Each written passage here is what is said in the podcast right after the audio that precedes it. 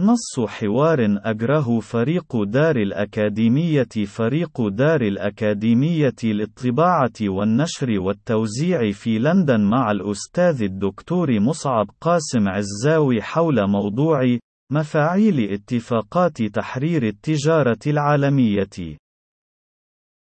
فريق دار الأكاديمية كيف تنظر إلى مفاعيل اتفاقات تحرير التجارة العالمية سواء تلك القائمة على المستوى الكوني مثل منظمة التجارة العالمية، أو تلك البينية التي تجري في عدة بقاع جغرافية من أرجاء المعمورة؟ مصعب قاسم عزاوي من الناحية الأساسية فإن جل اتفاقات تحرير التجارة العالمية تقوم على مبدأ أساسي يتمثل في إلغاء الحواجز الحمائية التي يمكن أن تفرضها مجتمعات بعينها من خلال سلطات دولها السيادية لحماية منتجاتها المحلية من الاندثار لعدم قدرة منافستها لمنتجات مماثلة لها يتم إنتاجها تنتجها في مجتمعات ودول أخرى بتكلفة أقل سواء بسبب مستوى الكفاءة الإنتاجية في تلك الدول، أو بسبب دعم تلك الدول لمنتجي تلك المنتجات بشكل مباشر ماليًا، أو عبر إجراءات غير مباشرة من قبيل التخفيضات الضريبية وتسهيلات أخرى تنتج نفس مفعول الدعم المالي المباشر في المآل الأخير. ويهدف ذلك العنوان العريض لاتفاقات تحرير التجارة من الناحية النظرية إلى تعزيز التجارة البينية والتبادل التجاري بين الدول، والذي لا بد أن يفضي بحسب رأي منظر تحرير التجارة العالمية والمنافحين عن اتفاقياتها إلى زيادة معدلات النمو والثروة في المجتمعات المساهمة في عملية التجارة التجارة البينية بعد إلغاء الحواجز الحمائية فيما بينها.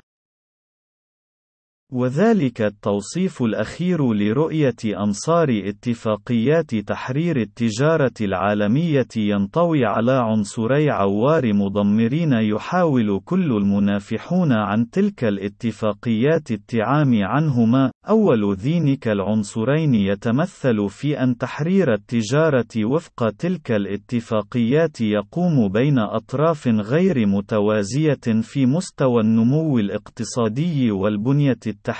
الإنتاجية، وخاصة التصنيعية، وهو ما يعني أن مجتمعات الأثرياء الأقوياء في العالم الصناعي المتقدم لن تخشى على صناعاتها المتقدمة، والمستندة إلى تنظيم عال وأتمتة معقدة تجعل من كلف الإنتاج حتى لأبسط المنتجات أقل كلفة في العالم الصناعي المتقدم مما هو عليه في معظم الدول النامية. التي لا تمتلك تلك الإمكانيات لتخفيض نفقات إنتاجها.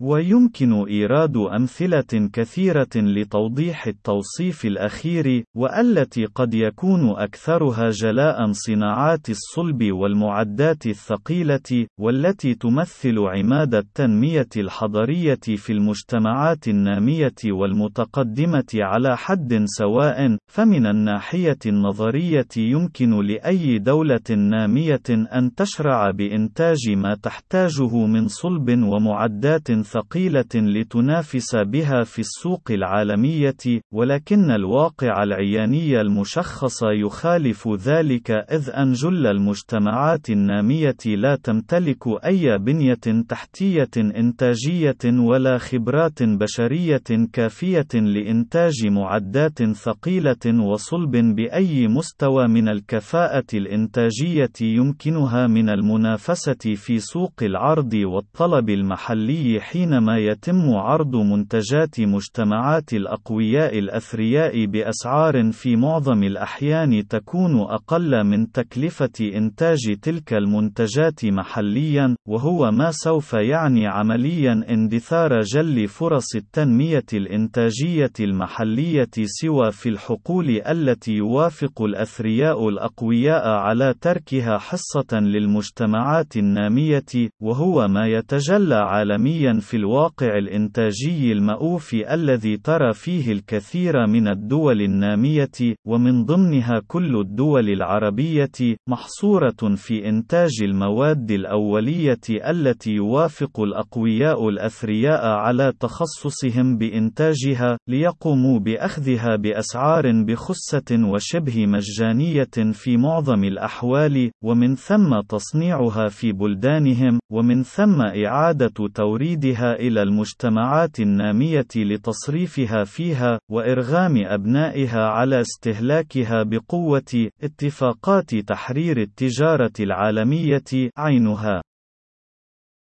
وعنصر العوار الثاني الذي لا بد من الإشارة إليه يتمثل في إعلان أن تحرير التجارة لا بد أن يفضي إلى زيادة الثروة ومعدلات النمو في المجتمعات المتأثرة تجاريا فيما بينها، وهو إعلان ينطوي على الكثير من المخاتلة والتورية لحقيقة ذلك النمو الاقتصادي الظني الذي لا بد من تحققه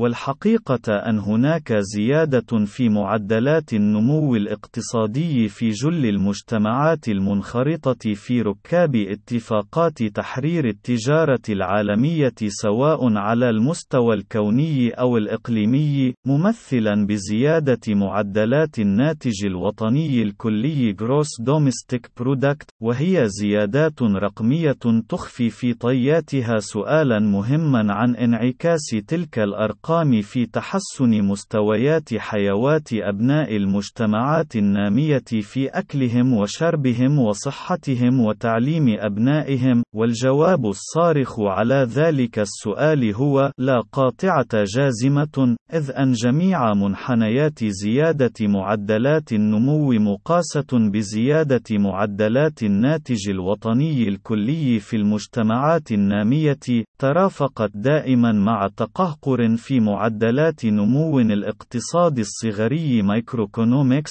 التي تعكس واقع حيوات البشر المعاشة يوميا والتي قد يكون أهمها زيادة في معدلات الفقر والبطالة والأمية والمرض ومستوى التغذية كناتج طبيع لإرغام أبناء تلك المجتمعات على العمل في اقتصادات محلية قائمة على استخراج الثروات الطبيعية. الطبيعية، أو إنتاج المواد الأولية وتصديرها إلى مجتمعات الأقوياء الأثرياء بأسعار بخسة، ومن ثم الاضطرار إلى العمل في أسوأ الظروف وفي كل أيام الأسبوع ولساعات لا تنتهي يوميًا، من أجل سداد تكاليف شراء منتجات مجتمعات الأقوياء الأثرياء التي يحددون سعرها بالشكل الذي يلائمهم، حتى لو كان ذلك يعني موات الكثير من الفقراء في سبيل الحصول عليها، وقد تكون أدوية مرضى نقص المناعة المكتسب، وأدوية مرض السرطان الحديثة، وخاصة البيولوجية منها، والسيارات وحافلات النقل أحدث أكثر الأمثلة وصفية عن بؤس وشواه تلك العلاقة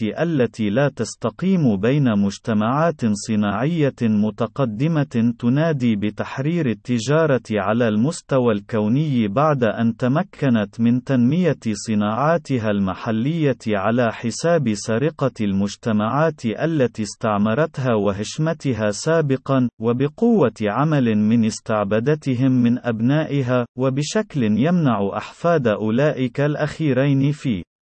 مجتمعاتهم المنهوبة من تحقيق أي نمو حقيقي في مجتمعاتهم يتجاوز حيز العمل بشكل سرمدي بكرة وعشيا لخدمة مستعمريهم القدماء، عبر استخراج الثروات الباطنية وإنتاج المواد الأولية التي يحتاجونها لاستدامة ثرائهم القائم على الباطل تكوينيا وتاريخيا، وليس سوى ذلك. ولا بد في هذا السياق من الإشارة إلى حقيقة أن هناك مظهرا موازيا لتسيد اتفاقات تحرير التجارة العالمية المشهد الاقتصادي العالمي يتمثل في زيادة التقاطب في معدلات الثروة في المجتمعات النامية بشكل فاقع مشخصا بزيادة ثروات حفنة قليلة من الأفراد من مجموع أبناء تلك المجتمعات وهم الأفراد الذين يقومون بمهمة السهر على الحفاظ على ذلك التوازن الأشوه في ميدان الإنتاج على المستوى المجتمعي، عبر التحول إلى نواطير يقومون بمهمة إدارة مصالح الأثرياء الأقوياء كمدراء ووسطاء ووكلاء في المجتمعات النامية، أو أدوات لترسيخ هيمنة الأقوياء الأثرياء على مفاتيح إدارة علاقات علاقتهم المختلة مع المجتمعات النامية من خلال عملائهم واستطالاتهم المشخصة بأجهزة الاستبداد والقمع بالحديد والنار لمن قد تسول له نفسه الأمارة بالانعتاق التفكر بالانقلاب على ذلك الواقع الأشوه المؤوف. وقد يخامر خلدن المتلقي بأن التوصيف السابق قد لا ينطبق كليا على الصين، والتي أصبحت موئل جل الإنتاج التصنيعي على المستوى العالمي، وذلك صحيح بالنسبة لجل الصناعات سوى تلك المتقدمة من قبيل المعالجات الحاسوبية وصناعات التقانات الحيوية التي لا تزال محتكرة بشكل شبه مطلق بيد مجتمعات الأثرياء الأقوياء في دول الشمال الصناعي المتقدم والحقيقة الكامنة وراء الحالة الخاصة للصين تتمثل في تحويل نفسها من خلال تبنيها لإيديولوجية اشتراكية السوق التي تحاول خلط الزيت بالماء واستخدام شرور الدولة الشمولية فيها وأدواتها القمعية الجلمودية لتسخير قوة عمل أبنائها المظلومين لخدمة مؤسسات إنتاجية لا تعود القيمة الفائضة من عملهم إلى تلك المؤسسات التي يعملون بها أو إلى مجتمعاتهم، وإنما إلى الشركات العابرة للقارات التي تقيم الغالبية المطلقة من مالك أسهم إدارتها في دول الشمال الغني، ومثالها الأكثر نصاعة هواتف شركة آبل الأمريكية التي يتم تصنيعها في الصين مثلا، دون أن يعود أكثر من عشر 10% من ثمن تلك الهواتف لكل الشركات التي ساهمت في إنتاج تلك الهواتف، وبحيث تعود حصة الأسد بنسبة لا تقل عن 90% إلى شركة آبل آبل الأم التي تقوم بتهريب أرباحها إلى جنات ضريبية في غير موضع من الكرة الأرضية، ولا تدفع عنها أي ضرائب في أي مكان من أرجاء الأراضين لتزيد من ثرواتها الفلكية بشكل مضطرد يصعب على أي عاقل استبطان أي أخلاقية أو عدالة في طياته.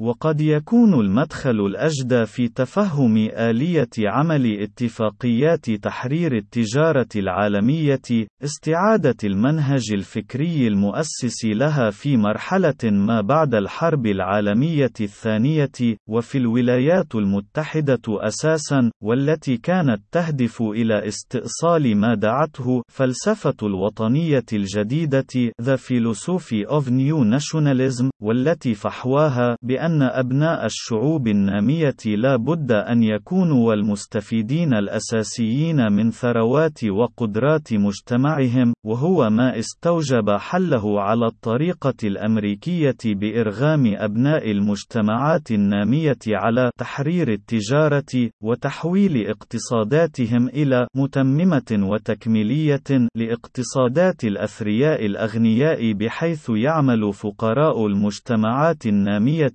لخدمة وتعظيم ثروة المجتمعات الصناعية المتقدمة، ملتزمين دائما وأبدا بذلك الدور الذي لا محيد عنه بقوة مفاعيل اتفاقيات تحرير التجارة العالمية وما كان على شاكلتها.